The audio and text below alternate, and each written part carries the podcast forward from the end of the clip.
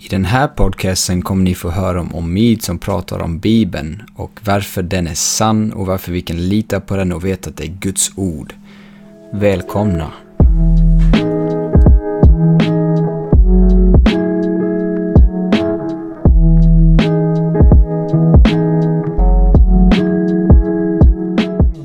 Hallå hej!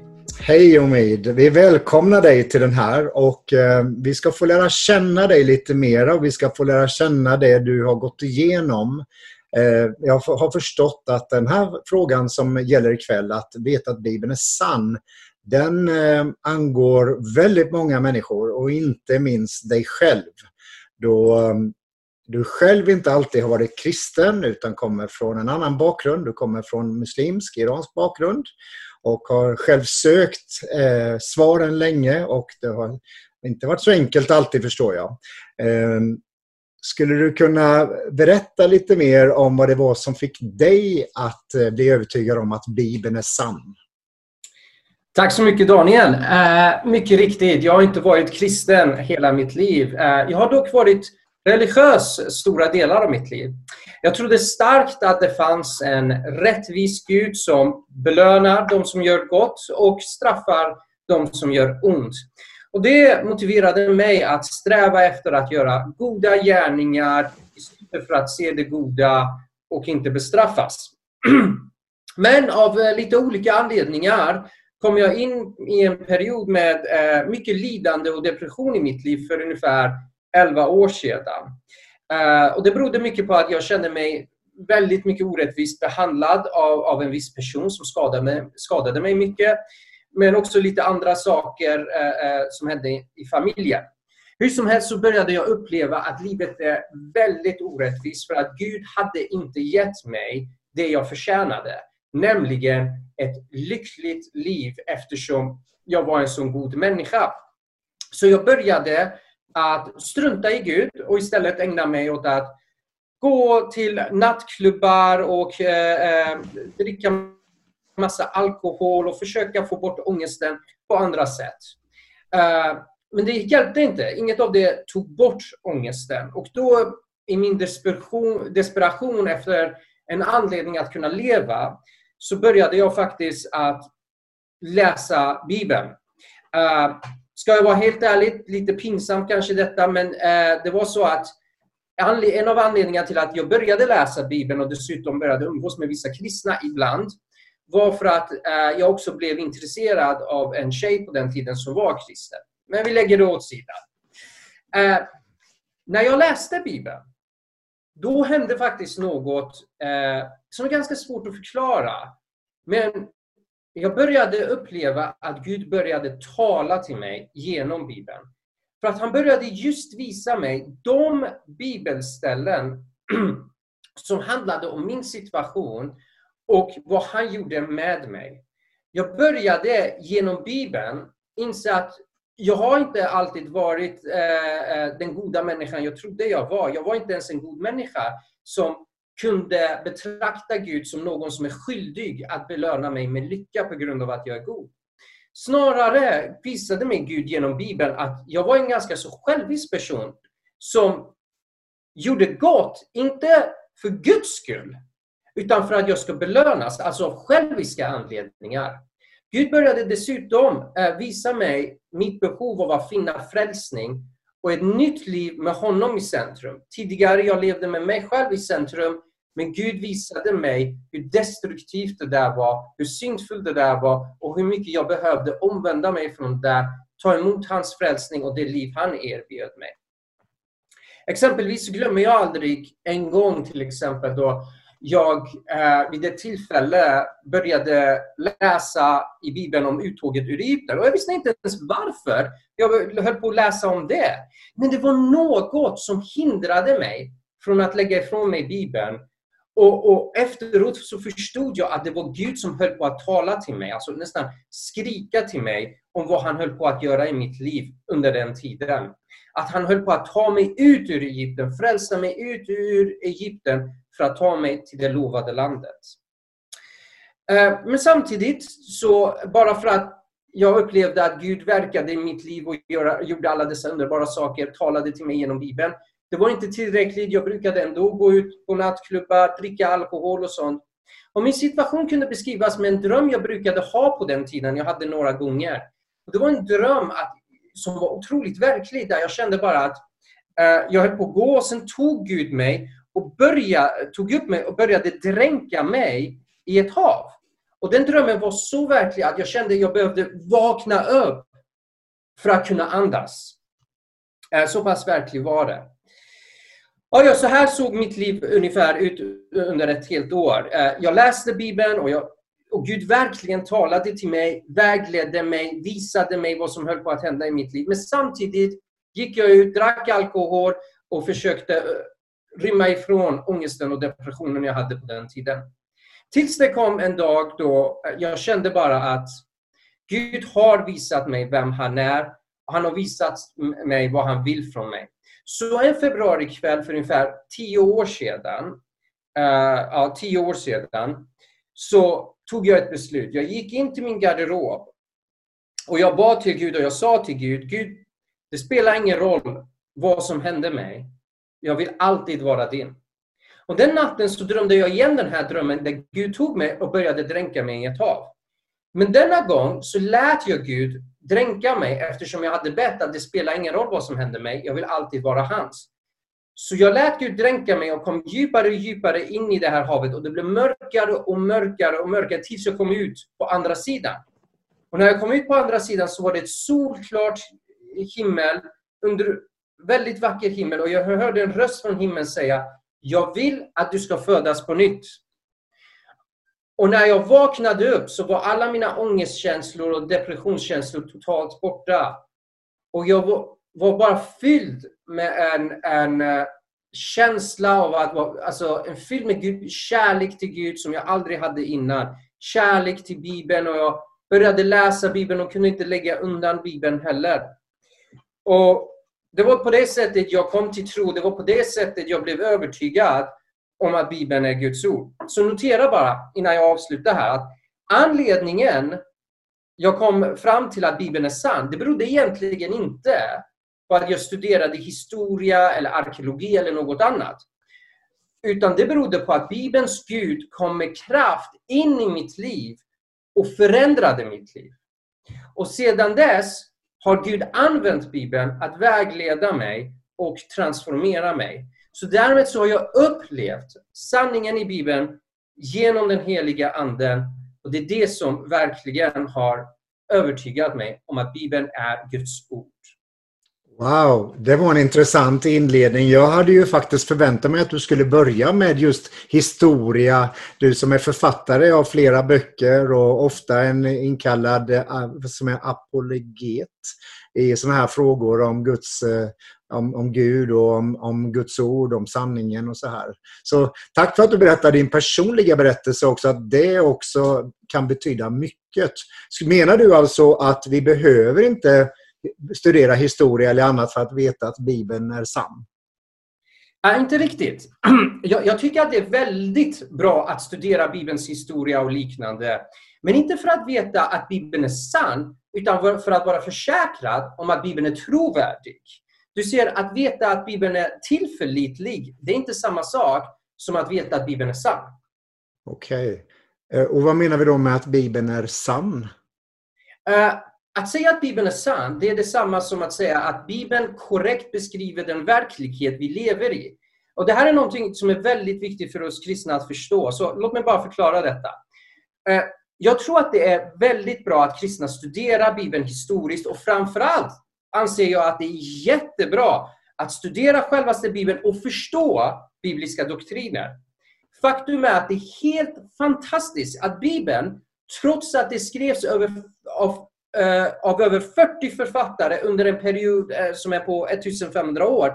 Den har en sammanhängande historia som pekar på personen Jesus. Så när man studerar Bibeln och ser hur alla dessa 66 böcker hänger ihop så börjar man faktiskt förstå att författaren var en enda gudomlig person. Men jag tror inte att Bibelns huvudsyfte är att den ska studeras intellektuellt. Alltså jag tror inte att Guds syfte med Bibeln är att förvandla kristna till teologer med huvuden fyllda av massa information. Jag tror att Bibelns syfte är att vi ska delta i Bibelns historia, det vill säga att vi ska medverka i den berättelsen Bibeln berättar. Att vi faktiskt lever i den verklighet att Bibelns Gud är vår Gud och att vi är en del av hans plan med skapelsen. Alltså, Bibeln är inte menad att vara en historia om vad Gud gjorde för 2000 år sedan och innan dess med eh, nationen Israel. Bibeln är en inbjudan att leva med den Gud som har uppenbarat sig i historien och som fortfarande är aktiv i historien vi lever i. Och det, är när, och det är när vi lever i den verkligheten, när vi genom tro faktiskt hängivet följer Jesus, då kommer vi inse att Bibeln är sann eftersom den Gud Bibeln beskriver existerar i verkligheten. Tillåt mig bara ta ett exempel. Eh, I Matteus kapitel 7, vers 7 säger Jesus att sök och du ska finna. Mm. Bulta och dörren ska öppnas för dig. Och sedan säger han i samma kapitel, i vers 11, att Fadern ger goda gåvor till alla som frågar honom. Nu vi kan spendera timmar på att studera vad menade Jesus med ordet bulta eller 'sög' och vad menade han med goda gåvor? Parallellstycket i Lukas kapitel 11 eh, eh, pratar om att goda gåvor det definieras som den heliga anden. Syftar Jesus bara på andliga gåvor eller inkluderar han fysiska nödvändigheter? Vilka grekiska ord använder Jesus här och vad betyder dessa grekiska ord? Vi kan hålla på och studera Jesus ord och det är bra att göra det. Det är absolut bra att studera Bibeln. Men det är inte huvudsyftet. Så vad är huvudsyftet? Börja verkligen söka efter sanningen. Bulta och bulta tills Gud svarar. Be! Be att Gud ska ge dig det du behöver för att komma honom närmare och tjäna andra. Be och be för att den här Guden finns inte bara eh, eh, i Bibelns sidor. Han finns i verkligheten och han har lovat att han ska svara, eh, så spendera tid i bön att ropa ut till honom. Då kommer du se att det som står i Bibeln verkligen är sant, för det överensstämmer med verkligheten. Du ska veta, jag har faktiskt använt dessa verser för att till och med evangelisera. Eh, jag har haft personer som har frågat mig, i synnerhet en person, som har frågat mig hur kan jag veta att Bibeln är sann? Jag slog upp det här, äh, de här verserna från Matteus 7 och jag sa till honom, kolla här. Jesus lovar att den som söker efter sanningen med ett uppriktigt hjärta, den som ivrigt vill veta sanningen om Gud och söker honom, kommer onekligen att komma fram till sanningen. Gud kommer visa vem han är för den personen. Så med andra ord, vill du veta att Bibeln är sann? Öppna ditt hjärta. Ha ett öppet hjärta. Sök Gud. Ropa ut till Gud. Läs vad som står i Bibeln. Be. Är detta sant? Jesus sa, om du ber, Gud kommer svara. Då, då kommer du veta att sant. Om, om det inte händer, jag har sagt det här till icke-troende, om det inte händer, kom och tala om det för mig så att jag vet om Bibeln är sann eller inte. För jag vill inte följa en bok som inte är sann, som ger en massa löften, men som inte stämmer. Så helt enkelt, det här är metoden med vilket vi kan veta att Bibeln är sann. Det är att det som står i Bibeln om Gud, den Gud som existerar i verkligheten, verkligen stämmer. Och Det här var bara ett exempel jag gav. Hela Bibelns syfte är att dra människor in i den verklighet där Israels Gud verkligen finns och är vår Gud. Så när vi läser Bibeln är det menat att vi ska känna denna Gud som finns i verkligheten ha en relation med honom och leva för honom. Bibeln är alltså, man kan säga, den heliga Andens strålkastare som tar bort mörkret från våra ögon så att vi ser och lever i den verklighet där Jesus är den uppståndne konungen och han har kallat oss för att använda oss för sina syften. Därmed, om någon vill veta, är Bibeln sann? Vandra i tro på dess påståenden och du kommer se att de påståendena verkligen stämmer. Ta på dig ditt kors och våga lev hela ditt liv för Jesus så kommer du se att Jesus talade sanning när han sa exempelvis eh, eh, sök först Guds rike och allt annat kommer ordna sig. Vill du se Guds kraft in i ditt liv? Gör som änkan i Lukas kapitel 18 som bara bad och bad och vägrade sluta be tills hon fick sin vilja igenom. Be! Be och be till Gud och, och tills du ser Gud förhärliga sig själv med kraft. Våga lita på Guds kärlek i livets svåra stunder och du kommer uppleva sanningen i Romarbrevet 8 att allt samverkar till det bästa för de som älskar Gud. Helt enkelt, lev ut livets, äh, Bibelns påståenden och du kommer uppleva att de påståendena är sanna. Du kommer se att det Bibeln talar om är sant och då kommer du se att Bibeln faktiskt är sann.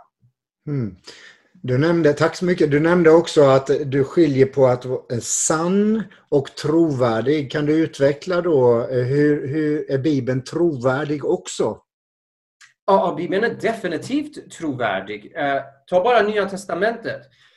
Vi har, eh, vi har runt 6000 bara grekiska manuskript. Vi har, om man tar med andra manuskript från latin och andra språk och så vidare, så har vi 25 000 manuskript. Men om vi tar bara de grekiska manuskripten har vi runt 6 000 manuskript som vittnar om innehållet i Nya Testamentet. Det är betydligt, eh, hundrafalt mer än någon annan antik text där ute. Eh, men även, även om vi inte skulle ha någon några av dessa mm, tusentals manuskript som vi har, som vittnar om vad som finns i Bibeln, så har vi eh, över 32 000 citeringar av Nya Testamentet från tidiga kyrkofäder, det vill säga de första kristna som levde eh, innan år 300. Så vi hade faktiskt kunnat konstruera hela Nya Testamentet baserat på de här citeringarna från de tidiga kyrkofäderna. Så med andra ord, om vi vill veta att vi idag på 2000-talet har samma bibel som de allra första kristna, det kan vi göra. Det är bara att kolla de saker de första kristna skrev, jämföra citeringarna de har av Nya Testamentet med vår egna Nya Testament och vi kommer se att Bibeln som vi håller i vår hand är samma Bibel som kristna i 2000 år har haft. Och dessutom, böckerna i Nya Testamentet, de skrevs under en period då ögonvittnen till händelserna fortfarande levde. Framförallt levde även fiender till den kristna tron. Alltså kunde inte evangelierna ljuga Eh, eh, för att då skulle de avslöjas.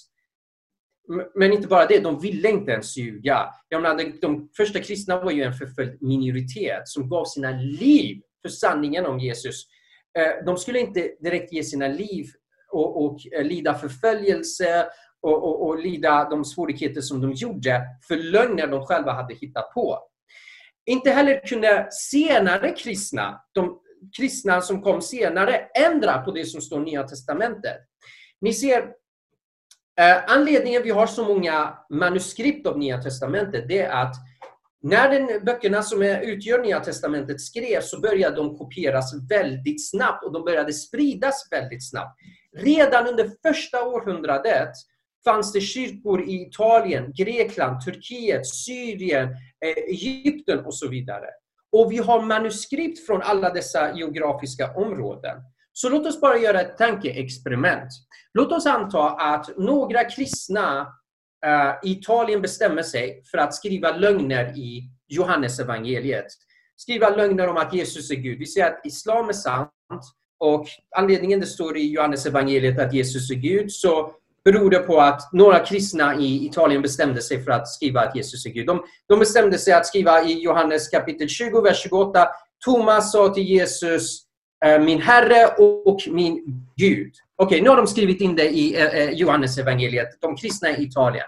Nu, hur, frågan är, hur ska de kristna i Italien få de andra kristna runt om i eh, eh de de andra geografiska områdena, de andra kyrkorna, att göra samma förändring i det Johannes evangeliet som de har.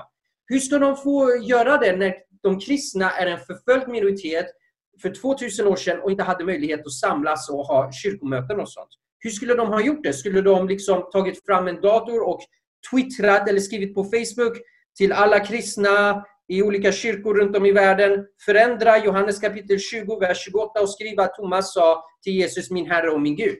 Hur ska de göra det? Det var fullständigt omöjligt för de första kristna att förändra någonting i evangelierna eftersom eh, eh, de inte hade möjlighet att göra det.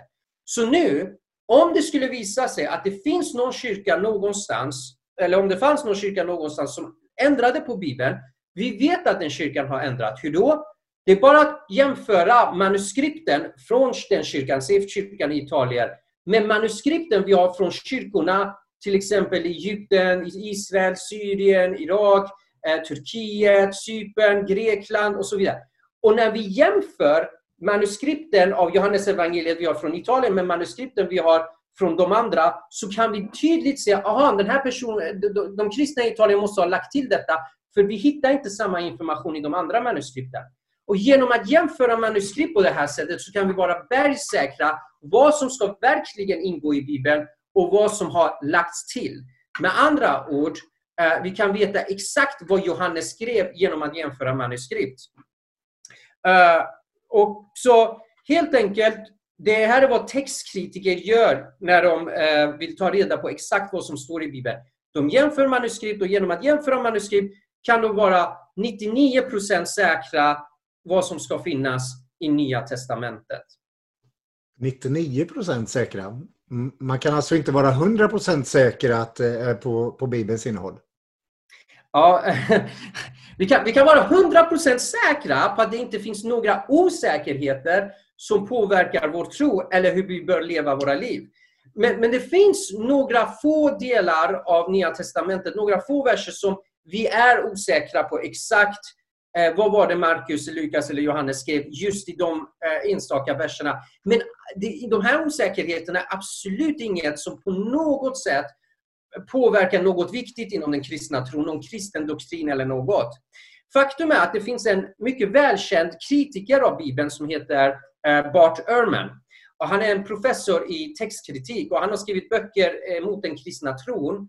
Och han har skrivit en bok, nu minns jag inte exakt vilken bok det var, det kan vara Misquoting Jesus eller Jesus Interrupted. Någon av de två böckerna är det, jag, jag minns inte exakt. Men han ger en tio topplista av, eh, över de största osäkerheterna som finns i Nya Testamentet. Och han gör det, alltså hans syfte är att han vill argumentera för att vi kan inte helt lita på texten i Nya Testamentet eftersom vi inte exakt vet vad som ska stå på de här ställena i Bibeln. Men jag ska vara helt ärlig. När jag läste hans tio topplista så bara tänkte jag för mig själv, är det här allt? Wow! Bibeln måste verkligen vara en mycket tillförlitlig bok om de här är de största osäkerhet, osäkerheterna som vi har.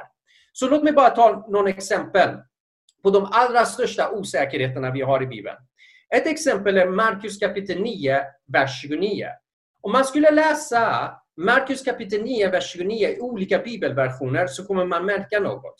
I vissa bibelversioner står det att Jesus sa att den här typen av demoner kan enbart komma ut genom bön. I andra versioner säger Jesus att den här typen av demon kommer endast ut genom bön och fasta. Nu, hur är det egentligen? Sa Jesus endast bön eller sa han endast bön och fasta? Det här är bland de allra största osäkerheterna vi känner till faktiskt. Men tänk efter själva, påverkar det någon kristen doktrin? Vilket som Jesus sa. Uh, vad, vad, spelar den här för roll? Det spelar egentligen inte jättestor roll. Och det här är bland de största osäkerheterna vi har. Låt mig ta ett annat exempel. Matteus 5, vers 22. Vi har vissa manuskript där Jesus säger den som blir arg på sin broder är skyldig. Medan i andra manuskript så står det att Jesus sa den som blir arg på sin broder utan anledning är skyldig. Nu, jag hoppas alla inser, det här är bland de största osäkerheterna vi har. Jag hoppas alla märker att de här har inte någon större påverkan på vår tro. Det finns överhuvudtaget inte en enda osäkerhet som på något sätt påverkar vår tro eller hur vi ska leva ut våra kristna liv. Med andra ord, vi kristna kan känna oss lugna och helt säkra på innehållet i Bibeln.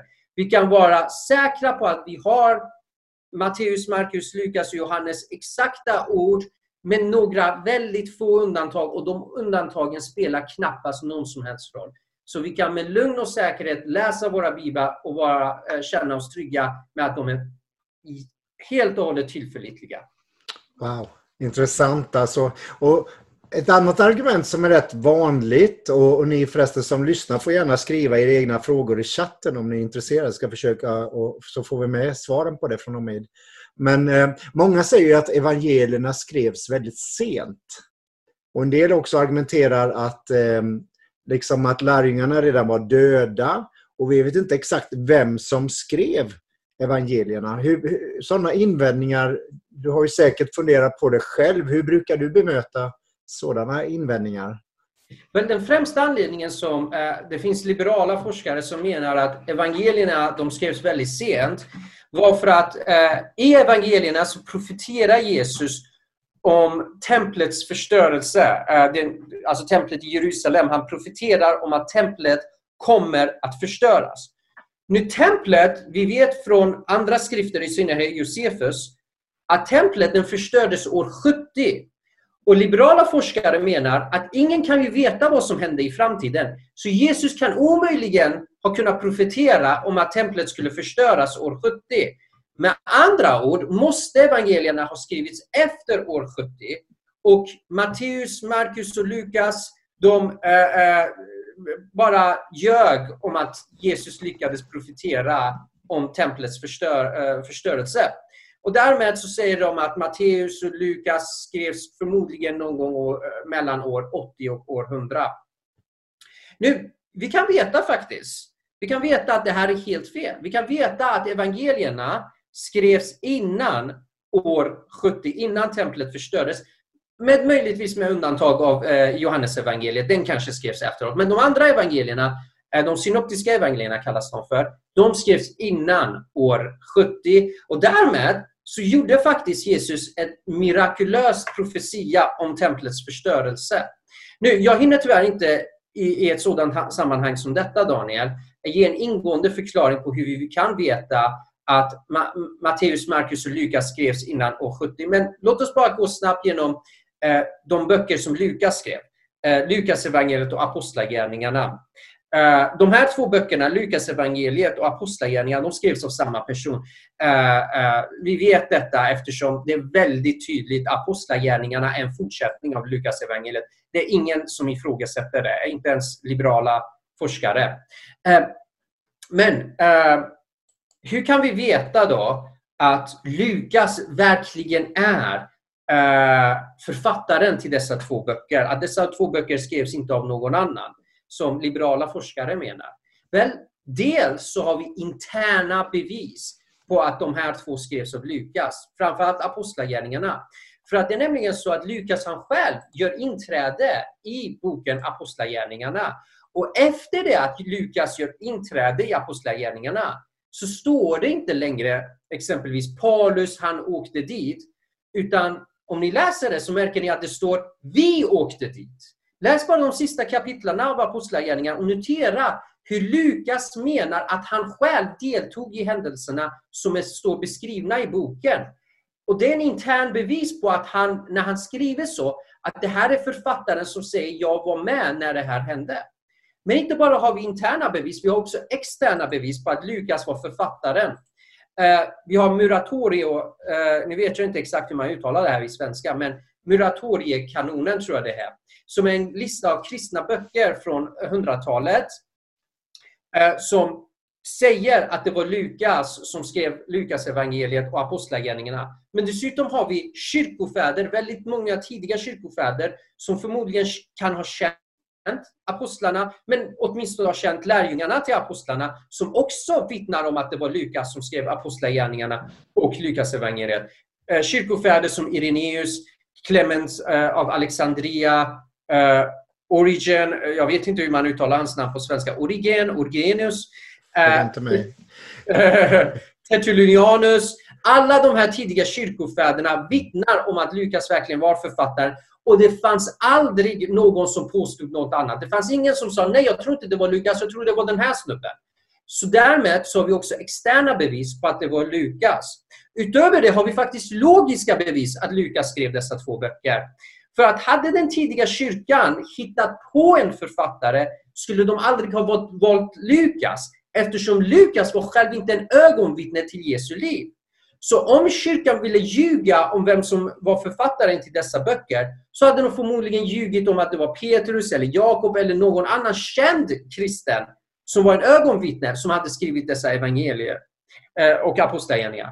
Det faktum att de erkände att det var Lukas, trots att Lukas inte var ett ögonvittne, visar att de kristna var noga med att, de var, med att vara sanningsenliga och de ljög inte eh, om sina skrifter. Slutligen, vi har också dessutom massvis med manuskript av Lukas evangeliet och vartenda en av dem som har sin första sida oskadad. Vartenda en manuskript vi har av Lukas evangeliet med en första sida så står det alltid på första sida av Lukas. Så alla dessa bevis jag gav tyder på att Lukas verkligen skrev evangeliet som bär hans namn samt att han skrev apostlagärningarna. Men liberala forskare de menar att det kan inte ha varit Lukas eftersom Lukas evangeliet skrevs någon gång runt 90-talet och då var Lukas förmodligen död. Han kan inte ha levt så länge. Så helt enkelt, de menar på att det går inte. För att i Lukas evangeliet så säger Jesus att templet förstörs. Men Jesus kan inte ha vetat vad som sker i framtiden. Lukas evangeliet skrevs mycket senare, men då var Lukas död. Så Lukas evangeliet kan inte ha skrivits av Lukas, det måste ha skrivits av någon annan. Och de totalt ignorerar alla de bevis som jag snabbt nämnde för er. Men låt mig gå därmed till det här. Var det så att Lukas evangeliet skrevs innan eller efter år 70?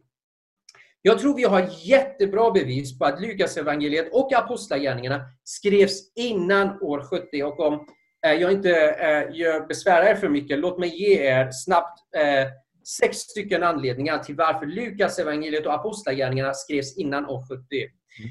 För det första, kan du Daniel slå upp Lukas kapitel 1, vers 1. Slå upp kapitel 1, vers 1. Och jag vill att alla ska notera hur Lukas börjar sitt evangelium. Vad är det som Lukas skriver i sitt evangelium? Lukas 1 och 21. Nej, 1, vers 1. Vers 1. Lukas 1 och 1. Tack.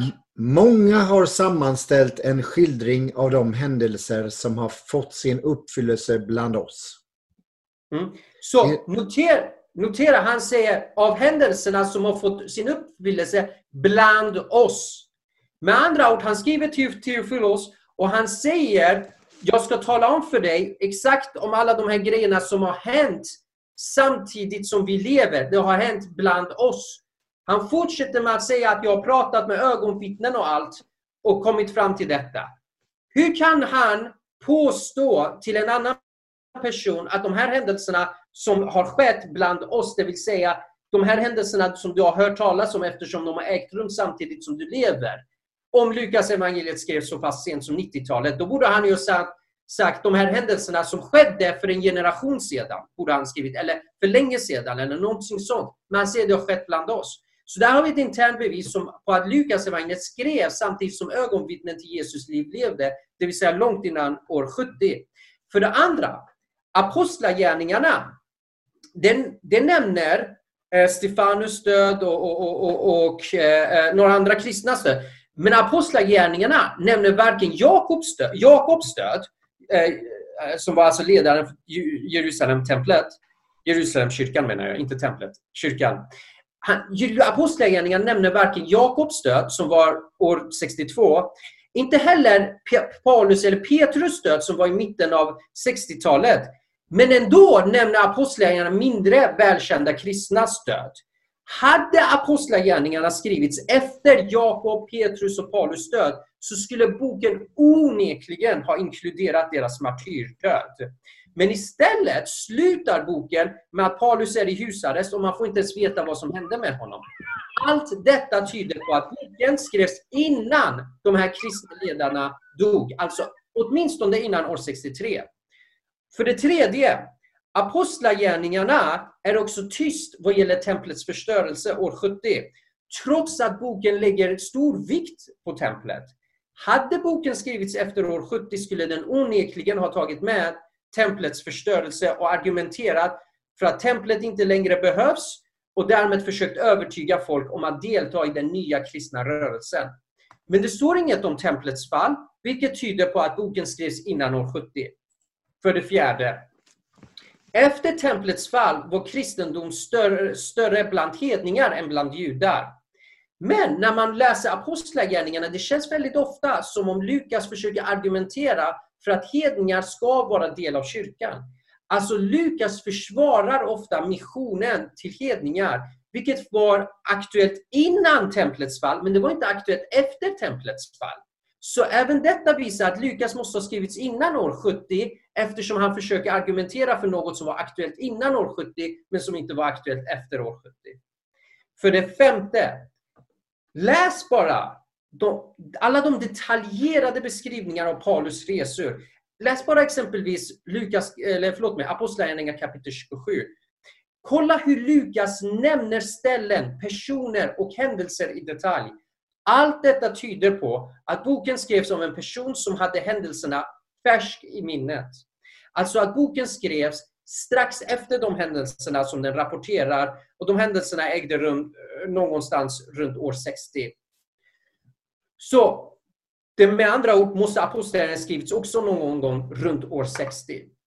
Och för det sjätte och det sista, kan du Daniel vänligen gå till första Timoteus kapitel 5, vers 18. Gå till första Timoteus kapitel 5, vers 18 så ska vi kolla vad Paulus skriver där. Ska vi se om vi hittar första Timoteus 5 och Vers 18. 18. Ty skriften säger, du skall inte binda för munnen på oxen som tröskar och arbetaren är värd sin lön. Var står det i skriften att arbetaren är värd sin lön? Har du någon fotnot i din bibel? Ska se om vi, eh, nej, inte i denna versionen har jag inte det. Okej. Okay. Gå till Lukas kapitel 10. Uh, Marina, kan jag få min, min bibel, det vill säga min mobil? Det är antingen vers 7 eller eh, det är vers 17. Kommer jag inte exakt ihåg vad det är, vers 7 eller 17. Men du kan kolla Lukas kapitel 10. Ja.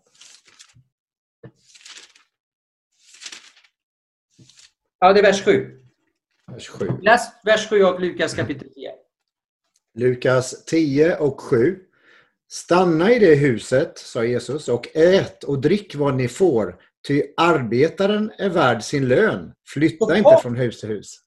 Ja, just det. Så Paulus skriver ett brev. Paulus som dog i mitten av 60-talet, han skriver ett brev där han säger i skriften så står det arbetaren är värd sin lön. Han citerar Lukas kapitel 10, vers 7. Kan jag fråga dig en fråga? Om Paulus stod på mitten av 60-talet och han citerar Lukas evangeliet och till och med kallar evangel Lukas evangeliet som skrift och jämställer det med Gamla Testamentet eftersom han tidigare hade citerat Gamla Testamentet, femte Moseboken. Hur kan Paulus som dog i mitten av 60-talet kunna citera en bok som skrevs på 90-talet? Hur är det möjligt? Det blir lite komplicerat. Exakt! Så jag har nu gett er sex stycken bevis på att Lukas evangeliet skrevs och Apostlagärningarna skrevs innan år 70. Och den enda anledningen liberala forskare ger för att sätta ett sent datum är Jesus profeterade att templet skulle förstöras, vilket år, hände år 70. Och det är omöjligt för någon att kunna förutsätta fram, förutsäga framtiden. Nu, jag har lyckats förhoppningsvis övertala er att Lukas evangeliet skrevs tidigt 60-tal. Förmodligen i början av år 60. Men det måste betyda då att Markus evangeliet skrevs någon gång under 50-talet. Nu, hur vet jag det? Jo, jag vet det för att Lukas, han hade faktiskt tillgång till Markus evangeliet och han hämtade mycket information från Markus evangeliet.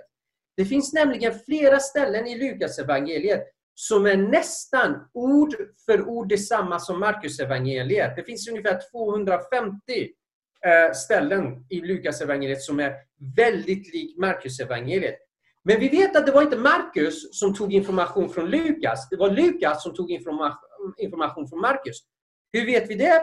Jo, för att på de ställena där Lukas hade tagit information från Markus, han hade rättat grammatiken och gjort språket bättre. Ni ser, Markus var inte lika bra på grekiska som Lukas var. Så Lukas, när han tog information från Markus evangeliet, han förbättrade språket. Och det skulle ju vara helt ologiskt att Markus skulle ta information från Lukas, men medvetet försämra språket. Därmed vet vi att det var Lukas som hade, hämtade information från Markus, alltså hade Markus som en av sina källor. Och därmed måste Markus evangeliet ha skrivits innan Lukas evangeliet med andra ord, Marcus evangeliet måste senast ha skrivits någon gång under 50-talet. Och jag hoppas alla inser varför det här är väldigt, väldigt viktigt. För att vad det här säger är att evangelierna, de alla skrevs under en tid då ögonvittnena till händelserna fortfarande levde. Inte bara när Jesus lärjungar levde, utan också dessutom när Jesus fiender lever, levde. Därmed kunde de som skrev evangelierna inte ljuga om händelserna, för att då skulle de kunna avslöjas av ögonvittnena. Överhuvudtaget är det enastående att vi har skrifter från antiken som är så nära självaste händelsen. Oftast brukar eh, eh skrifterna vara skrivna hundratals år efter händelsen. Men i det här fallet kan vi vara försäkrade om att det, det som står i Nya Testamentet, det kommer från ögonvittnen som levde samtidigt som Jesus, som var där och det fanns inte tid. Det fanns inte tid eller utrymme för legender och lögner att uppstå. Jämför detta, jag ska bara ge ett exempel så avslutar jag. Men jämför detta med exempelvis de mest trovärdigaste källorna om Mohammeds liv enligt sunnimuslimerna själva, nämligen hadiferna. Hadiferna de skrevs ungefär 250 år efter Muhammed. 250 år. Det är ganska lång tid för det att uppstå myter, legender, lögner och ingen kan kontrollera, är de här lögnerna sant? Ögonvittnena har ju dött sedan 200 år tillbaks. Det finns inget sätt att avgöra sanningshalten i de här hadiferna. Det här är inte situationen vi har med Nya Testamentet. Vi kan vara säkra på att de skrevs eh, eh, under en tid då ögonvittnena levde. Samtidigt, det fanns inte tid för legender att uppstå. Det fanns inte möjlighet för lögner att spridas. Både fiender till, händelse, eh, till den kristna tron och ögonvittnen levde som hade lätt kunnat avslöja människor som skulle ljuga. helt enkelt. Så vi kan vara helt säkra på att våra eh, skrifter ska vara skrivna tidigt av ögonvittnen. Wow. Wow, det här är väldigt bra. Vi, vi har ungefär en kvart kvar och jag har en fråga som jag måste ställa dig och så har jag en fråga därefter som kan ta upp hela den här kvarten. Men är det tio minuter kvar kanske med dig? Um, men, men om någon annan vill skriva något i chatten så får ni passa på nu, annars så tar jag mina frågor. Uh, det är någon som har skrivit, Isak har skrivit, alltså fett bra. Och det tror jag vi alla håller med om. Jag är glad att jag spelar in det här för jag behöver gå igenom de här äh, anledningarna bakom och känner så mycket mer trygghet i sanningen. Men jag har en fråga som jag har tänkt på också väldigt mycket själv. Det är just Bibeln har ju 66 böcker och eh, författare och eh, ibland hör man ju det här argumentet att eh, det var ju kyrkomöten och så vidare. Och då valde man det här, de här delarna ska vara med och de ska inte vara med. Och eh, sånt, sånt där argument, hur, hur bemöter du dem? Det här är jag väldigt intresserad av. Alltså, det, det, har aldrig funnits ett kyrkomöte där det fanns biskopar som har bestämt innehållet i Bibeln. Det, det är bara myter som man ibland hör. Det, det har dock funnits kyrkomöten där kristna har skrivit ner listor på de böcker som kyrkan alltid har ansett vara Guds ord. Eh, exempelvis finns det tre sådana möten som fanns under 300-talet. En i Laodicea, en i Carthage, vilket blir Kartago. Kartago, tack. Mm. Och en Hippo. Eh, så, så det fanns sådana kyrkomöten där man skrev ner listorna på de böcker som kristna alltid har ansett vara Guds ord. Men det fanns ingen möte där någon skulle bestämt vad som skulle ingå i Bibeln. De bara kom överens om vilka böcker som kristna eh, hade och ansåg vara inspirerade av Gud. Och de var mer eller mindre helt överens om eh, vilka böcker som kyrkan under sedan dess begynnelse har ansett vara Guds ord. De enda två böckerna som det verkligen fanns bra argumentation kring, där folk, det fanns dispyt kring. Det, det var Hebreerbrevet och det var eh, Johannes eh, uppenbarelser. Eh, Hebreerbrevet för att man visste faktiskt inte vem författaren till det var. Även om många kyrkofäder eh, menade på att det var Paulus så, så var språket inte likt språket man finner i Paulus brev och så vidare. Så de var inte säkra på om de skulle inkludera det eftersom de inte visste vem författaren var. Så den boken fanns det dispyt kring. Och sen fanns eh, vad gäller Johannes uppenbarelse, alltså uppenbarelseboken, så var det mycket diskussioner kring hur pass nyttigt är det här för kyrkan? Hur pass bra är det för de kristnas andliga liv att inkludera den här boken? Så de två böckerna diskuterades. Utöver det så var i stort sett alla kristna kyrkor mer eller mindre överens om vad som skulle ingå eh, i Bibeln. Ehm, sedan så fanns det andra skrifter och ibland kan man höra folk som inte vet bättre säga varför var inte Maria evangeliet eller evangeliet enligt Filippus eller Judas evangeliet inkluderat i Bibeln. Varför togs de ut ur Bibeln och sådana saker. Och jag brukar tala om för de personerna att själva gå tillbaka och läsa de här så kallade evangelierna. För att det är så uppenbart när man läser dem att de är senare legender. Att de personerna som skrev dessa evangelier levde inte under första århundradets Israel och kände inte till områdena och personerna och allt. Utan de levde i Grekland och Italien och andra ställen och, och kände inte till området. Barnabas evangeliet har väl faktfel också, eller hur?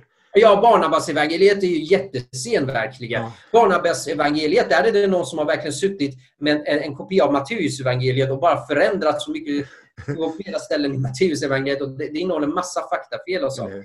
Men de här ja, senare evangelierna som kom eh, nära, närmare de som skrevs, alltså som finns i våra böcker, de, de är man väldigt det är väldigt tydligt och klart att de är senare legender. Men eh, senare kan man också, jag skulle säga till personer som påstår att dessa evangelier ska ingå i Bibeln, att de ska även kunna läsa icke-kristna forskare och se vad de tycker om de här andra evangelierna. Faktum är att den överväldigande majoriteten av även icke-kristna forskare erkänner att det var endast de evangelierna som vi hittar i Nya Testamentet som skrevs under första århundradet. Och alla andra evangelier skrevs mycket senare. Vi vet detta dels för att genom de tidiga kyrkofäderna så vet vi att det uppkom några gnostiska inriktningar som började komma runt mitten av första århundradet, eller förlåt, andra århundradet. Som började komma i mitten av andra århundradet. Och dessa evangelier, eh, eh, som alltså inte finns med i Bibeln, men som var tidiga, innehåller dessa gnostiska influenser. Men de här gnostiska influenserna fanns inte under Jesus tid. De kom åtminstone 100 år efter Jesus tid. Eh, så de här evangelierna kommer inte från Jesus tid, de kommer mycket senare. Men det är inte bara att dessa senare evangelier innehåller gnostisk filosofi som får forskare att ge dem ett väldigt sent datum. Som tidigare nämnt så har vi massvis med skrifter kvar från tidiga kyrkofäder. Och ingen av dessa, och ingen av dessa tidiga kyrkofäder kände till dessa andra evangelier, trots att de själva väldigt ofta citerade de fyra evangelierna som vi har i Nya Testamentet. Nu kanske en påläst person kan säga, men de tidiga kyrkofäderna faktiskt citerade lite andra skrifter också. Och det är sant, det gjorde de faktiskt. Till exempel eh, så fanns det en bok eh, i den tidiga kyrkan som var ganska populär, som många kyrkofäder citerade. Eh, The Shepherd of Hermes. Eh, jag tror den heter på svenska Hermesherden. Så varför inkluderades inte de böckerna in i Bibeln då? Eh, för det stämmer att de tidiga kyrkofäderna citerade många av dessa böcker. Men det är väldigt tydligt från de tidiga kyrkofäderna att de ansåg inte de böckerna vara inspirerade. Utan de ansåg bara böckerna som finns i Nya Testamentet att vara inspirerade. Hur vet vi det? Vi vet det av två anledningar. Det ena är att bara undersöka hur de tidiga kyrkofäderna citerade böckerna som finns i Nya Testamentet. De citerade på ett sätt som det är väldigt tydligt att de högaktade Nya Testamentets böcker. Det vill säga att de betraktade Nya Testamentets böcker som gudomligt inspirerad skrift. Men inte de andra böckerna. Men inte bara det. Eh, de tidiga kyrkofäderna, man kan också kolla på hur ofta de citerade de här olika böckerna. Eh, och se att de citerade Nya Testamentets böcker betydligt mycket mer än någon annan bok som visar att de har alltid betraktat Nya Testamentets böcker som Guds inspirerade ord, men inte andra böcker. Låt mig bara ge ett exempel. Vi tar Clemens av eh, Alexandria som var en kyrkofar från 100-talet. Han citerar några andra böcker i sina skrifter. Men han citerar andra böcker i de sakerna han skrev 16 gånger. Men hur många gånger citerade han Nya Testamentets böcker? Över 1500 gånger. Över 1500 gånger. Det är väldigt tydligt, det är väldigt tydligt och klart när man ser hur kyrkofäderna ägnade sig åt att studera Nya Testamentets böcker. Hur de högaktade Nya Testamentets böcker. Hur de citerade så ofta Nya Testamentets böcker att de väldigt tydligt och klart bara ansåg Nya Testamentets böcker att vara gudomlig skrift. De hade inga andra skrifter. De trodde inte på några andra evangelier. Eh, det fanns inga andra böcker de kände till som skulle ingå. Så kyrkan har ända sedan dess ursprung haft Nya Testamentets böcker och ansett att de var gudomlig skrift. Och det fanns inga andra böcker som de ansåg vara gudomlig skrift. Wow. Mycket intressant. En annan sista fråga till er, det får bli den sista frågan ikväll då. Och den tror jag många går och tänker på, inte minst här i Sverige och eh, argumenterar. Ehm, vi, vi, vi tror ju på en god Gud. Det är viktigt, det, det vet vi. Både kristna och icke-kristna tror jag vet att eh, eh Bibelns Gud är god. Men ändå läser vi ibland i Bibeln att Gud förintar ett helt folk. Och, och, och, liksom, och det är ofta en argumentation. Hur kan Bibeln, Gud vara god om det står om sånt här i Bibeln? Då kan inte Bibeln vara sann. Man sätter emot varandra väldigt ofta. Hur skulle du kort eh, svara på den frågan om ett par minuter runt den bara slutligen? Ja, ett par minuter. Oj, oj, oj. Det här kräver egentligen en väldigt djupgående eh, bibelstudie, men, men vi tar det snabbt.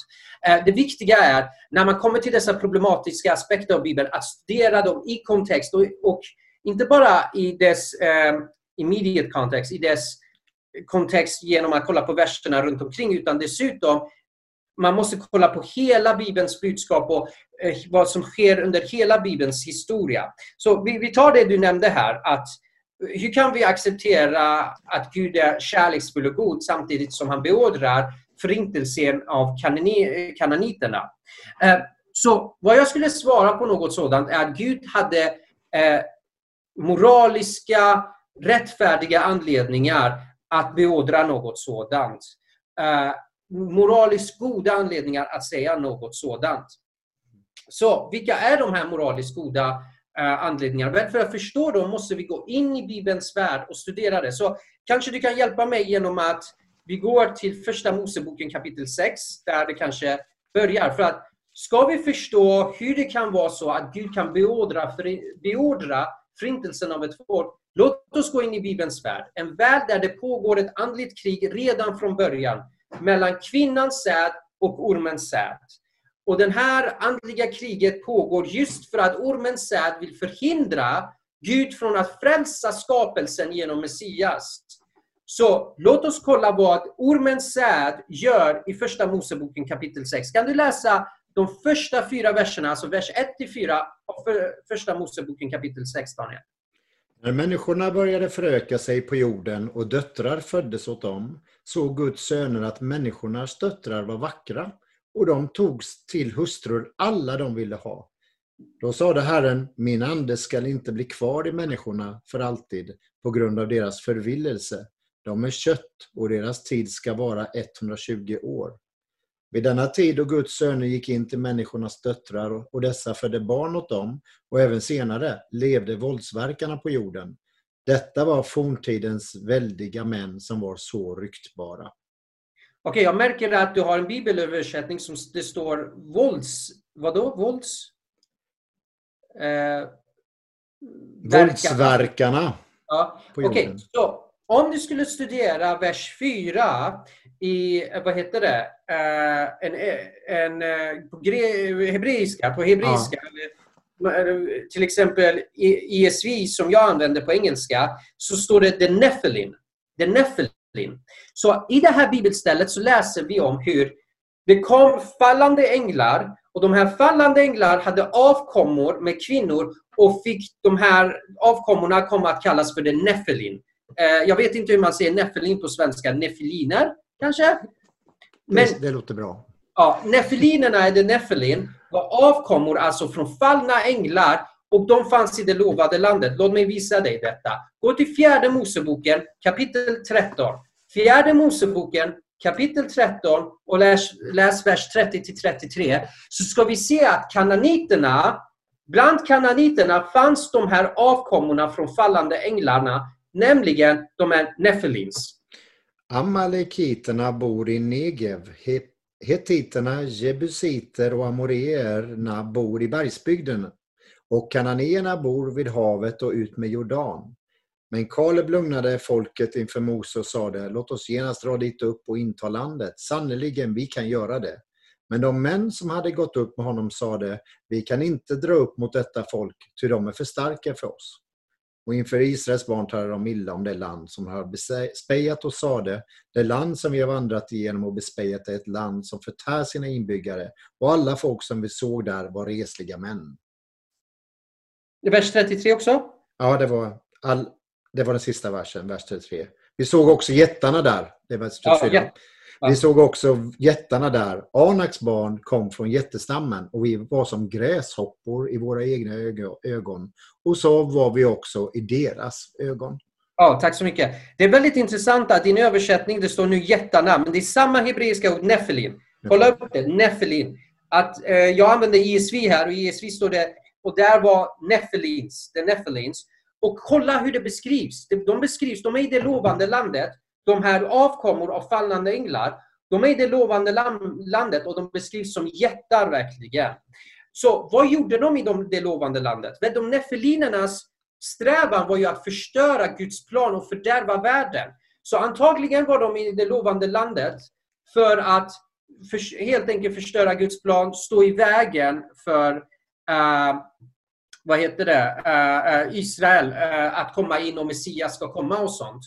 Och de fördärvade folket i det lovande landet. Nu tyvärr så märker jag att jag har väldigt lite tid, så låt mig istället för att vi läser Bibeln ge er några skriftställen där ni kan läsa om hur de fördärvade människorna i det lovade landet. Ni kan läsa tredje Moseboken kapitel 18 och vers 21-30. Tredje Moseboken kapitel 18, vers 21-30. Och ni kan läsa om hur fördärvat hur hemska människorna i det lovande, alltså kananiterna var i det lovande landet. Eh, eh, eh, hur de offrade sina barn och begick alla möjliga sexuella hem, hemskheter. Och ni kan läsa om hur de försökte förstöra för Israel. De försökte stoppa Guds plan att frälsa världen. Ni kan läsa om hur de försökte förstöra Israel i Andra Moseboken 17, i Fjärde Moseboken 21, i Femte Moseboken kapitel 7, Femte Moseboken kapitel 13 och så vidare. Så det här var helt enkelt ett demoniskt folk som var så moraliskt fördärvade och som strävade efter att förstöra Guds frälsningsplan att rädda hela världen. På vilket sätt är det ond av Gud att då beordra att de ska tas bort och befria världen från sådan ondska? Det är väldigt underligt att det finns människor som kritiserar idag Gud för att inte ha förintat nazisterna och stoppat nazisterna. Men när Gud verkligen tar tag i ett jättestort problem med demonbesatta människor som var mer fördärvade än nazisterna, då, då argumenterar de att Gud minsann är ond. Nu bara slutligen, jag tar det här jättesnabbt. Någon kan komma med motargumentet att det står i Bibeln att till och med barnen ska, ska, ska avlivas. Hur är det moraliskt rätt av Gud att beordra att barn ska dö? Och här finns det två saker vi som kristna måste ha i åtanke. För det första, vi måste ha i åtanke det jag sa, nämligen att människorna i kanan var avkommor och eller släktingar till avkommor av demoner. Med andra ord, det här var inte vanliga människor. Det, det här var hybrider. När israeliterna såg dem, de, de skrämdes av deras utseende. Eh, de var jättar, de var inte vanliga människor, de här var hybrider. Eh, eh, så de var alltså resultatet av demoner som tog sig till, till sig kvinnor och fick barn. Så deras blod var korrupt. Deras biologiska natur var korrupt. Så Gud gjorde rätt i att rena världen från sådan här ondska och eh, fördärv. Och för det andra, vi måste veta som kristna att vi vet inte vad som hände efter att dessa barn dog. Vad jag menar är att för oss kristna, livet på den här jorden är inte allt som existerar. Det finns ett liv efter detta. Eh, Tänk så här, jag, jag, tar det här jättesnabbt och vi avslutar med det. En gång när jag var ute och evangeliserade, jag träffade en ateist och sa, hur kan det finnas en Gud när det finns barn i världen som svälter och dör? Och jag sa till den ateisten så här, Okej, okay, låt oss göra ett tankeexperiment. Vi antar att det finns en människa som fötts i en rik familj, lever hela sitt liv väldigt rik, väldigt förmögen, väldigt, med bra hälsa, lever till 100-årsåldern, har haft allting och dör vid 100-årsåldern. Men sen så finns det ett barn som eh, dör vid treårsåldern. Vem har, har, har det fått bättre av Gud? Vem fick det bättre av Gud? Den här mannen som levde till 100 år med god hälsa och god ekonomi eller barnet som dog vid treårsåldern? Ateisten sa självklart den som var, blev 100 år och hade god hälsa och eh, var rik. Jag sa absolut inte. För att om den bibliska tron är sann, om kristendom är sann, den mannen kommer stå inför Gud och kommer svara varför han inte omvände sig, varför han engagerade sig åt ett världsligt liv och var så självisk. Och han kommer dömas av Gud. Men inte, och när han döms av Gud så kommer han att säga jag önskar jag hade dött som barn. Med andra ord, det där barnet kanske har klarat sig bättre. Vi måste betrakta detta från en evighet. Och det är precis samma sak här. Vad vet vi? Kanske de barnen som dog när kanoneterna förintades just nu prisar Gud i himlen för att Gud räddade dem från ett liv att växa upp med ett fördärvat folk och bli själva fördärvade.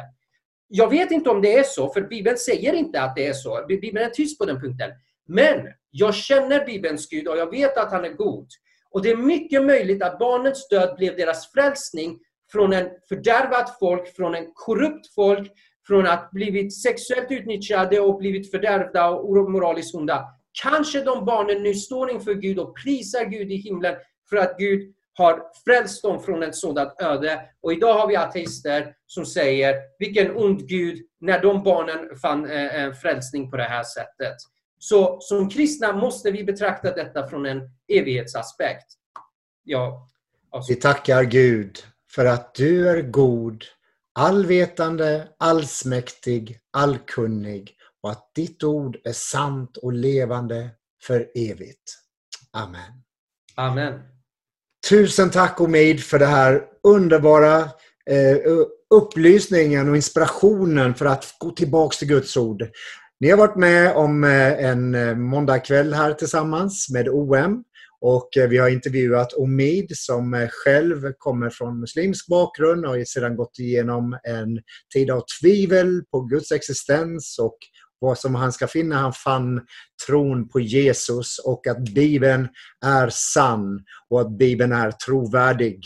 Och eh, följ gärna oss på måndagkvällar framåt. Nästa måndag så kommer ni höra Jackie Thomas tala om Live Out Loud. Och måndagen efter det så börjar vi vår sommar, våra sommarintervjuer där vi kommer eh, ha intervjuer med spännande och eh, insiktsfulla människor runt eh, OM-nätverket. Där vi bland annat får lyssna på George Verver, Bertil och Gunnar Engqvist, Hans Rutström, men också flertalet av våra utsända missionärer som precis kommit hem, som Julia som har varit i Himalayabergen och eh, Emanuel och David som är ute på Locus Hope och så vidare.